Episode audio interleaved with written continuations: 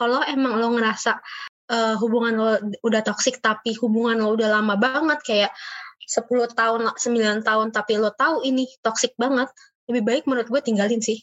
Karena yeah, yeah, yeah. ya itu yang udah nggak udah nggak sehat udah nggak nggak ada value buat lo diri lo sendiri untuk berkembang gitu sih. Karena pacaran lama atau enggaknya itu cuma sebagai numbers aja Prambors Podcaster, gue Rahmat Azani dan selamat datang di Janji Kelingking Podcast.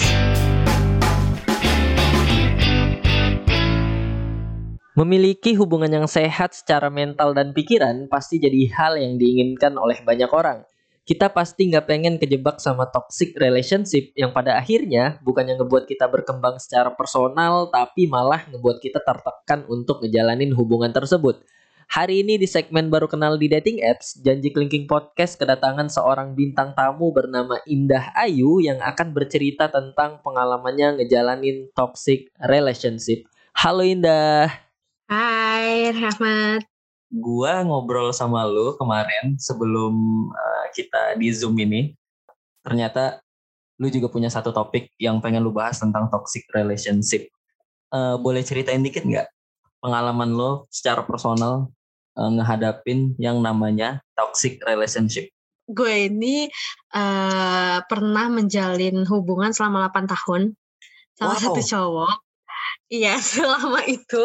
Wow. Uh, bisa dibilang mungkin ini kalau kita ngobrolin mas masalah toksik atau enggaknya mungkin uh, toksik tiap orang tuh beda-beda ya.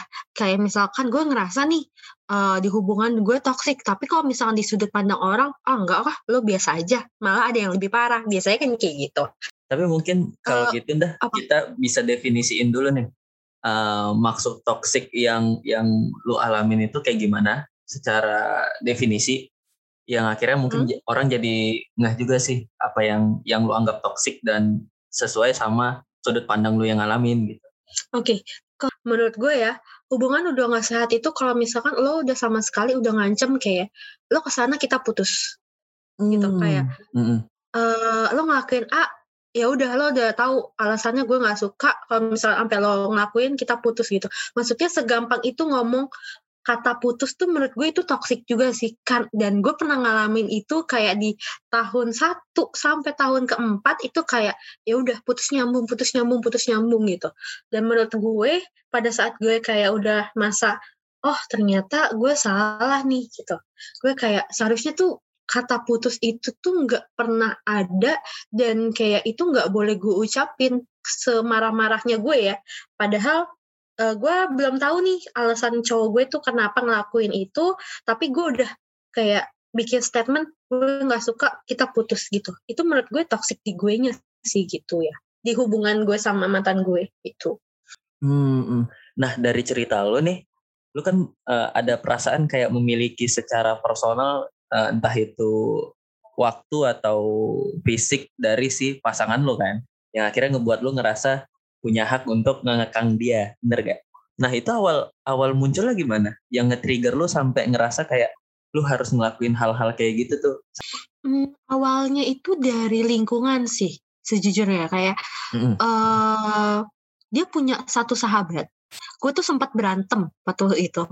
Kayak dia punya satu sahabat yang emang tuh udah dari SD dan uh, gue nggak tahu kenapa kayak gue nggak suka aja gitu loh. Padahal itu sahabatnya dia tuh nggak ngelakuin apa pun. Itu sih awal nge-trigger gue kayak ah gue nggak suka nih. Sampai akhirnya gue berantem dan ada posisi di mana gue juga kayak gue minta maaf ke sahabatnya kayak gue nggak harus kayak gitu deh kemarin gitu. Tapi gue percaya cewek sama cowok itu nggak bisa sahabatan cewek sama cowok nggak bisa sahabatan. Kenapa? Nggak bisa sahabatan. Soalnya gue pernah ngalamin itu juga. Kayak gue punya sahabat uh, bisa dibilang dia sahabat gue. Ternyata memang ya pasti salah satu pihak tuh ada yang suka gitu loh. Mungkin pada saat ini gue nggak naruh perasaan nih tapi sahabat gue naruh perasaan ke gue kayak gitu. Cuma karena gue kayak ah enggak lah kita sahabatan gitu loh. Jadi oh ternyata ini ya yang dialami uh, mantan gue gitu loh. Tapi lucunya ya mm-hmm. mantan gue ini tuh tahu sahabat gue tuh suka sama gue. Gue pernah ada mau gue pernah ada momen di mana kayak gue tuh ngumpetin ya gue tuh ngumpetin jadi sahabat gue nembak gue terus gue nggak ngomong ke mantan gue terus mantan gue tiba-tiba ngebuka pembicaraan. Jadi tuh gue kalau jujur itu gue harus nunggu momen gitu kan gue nggak bisa kayak langsung cerita gitu kan. Gue nunggu momen nih gue ngobrol berdua enak santai gitu kan. Terus habis itu gue cerita lah uh, iya nih si A ngomong ini sama aku gitu segala macam. Terus dia bilang cuma iya aku udah tahu kok gitu. Terus gue kayak kalau nggak ngerespon apa apa sih? Gitu. Terus dia cuma balas kayak ya buat apa? Gue nggak uh, gue nggak bisa ngelarang orang lain suka sama lo dan uh, itu hak dia untuk suka sama orang lain. Maksudnya ke gue ya. Jadi hmm, dia nggak hmm. ada hak nih untuk ngatur perasaan orang. Nah dia ngeliat nih gimana ngeres uh, gimana respon gue ke cowok itu dan dia dan dia ngeliat kayak ya udah respon lo ke cowok itu biasa aja kok jadi gue ya udah santai aja. Hal-hal kayak gitu kan hubungannya sama sifat ya.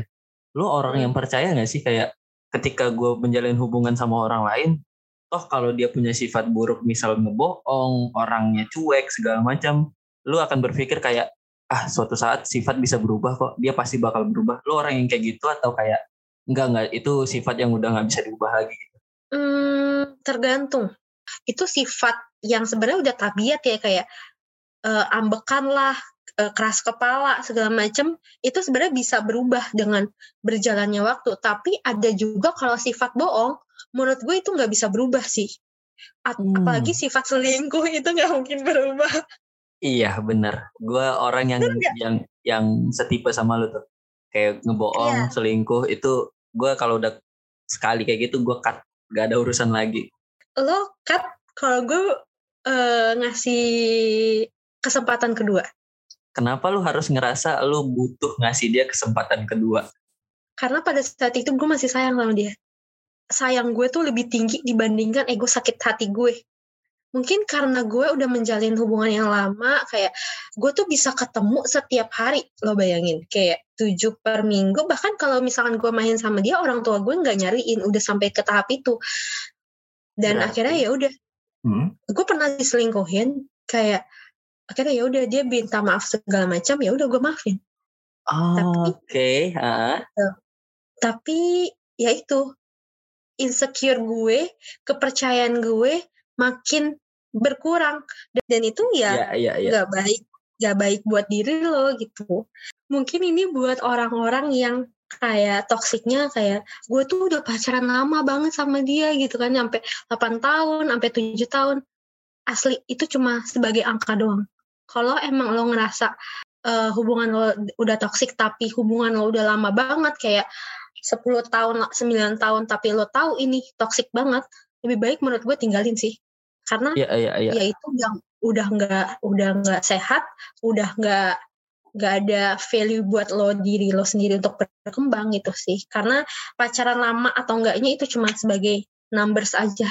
Thank you Indah. Thank you banget udah ngasih statement terakhir untuk orang-orang yang dengar dan mungkin lagi di toxic relationship. Indah thank you banget waktunya udah mau sharing di podcast gue sama-sama. Thank you Thank you, Clinkers, for listening to our podcast. We upload every Wednesday and Saturday at 7 p.m. Stream us on Spotify, Anchor, or Apple Podcast. See you on the next episode.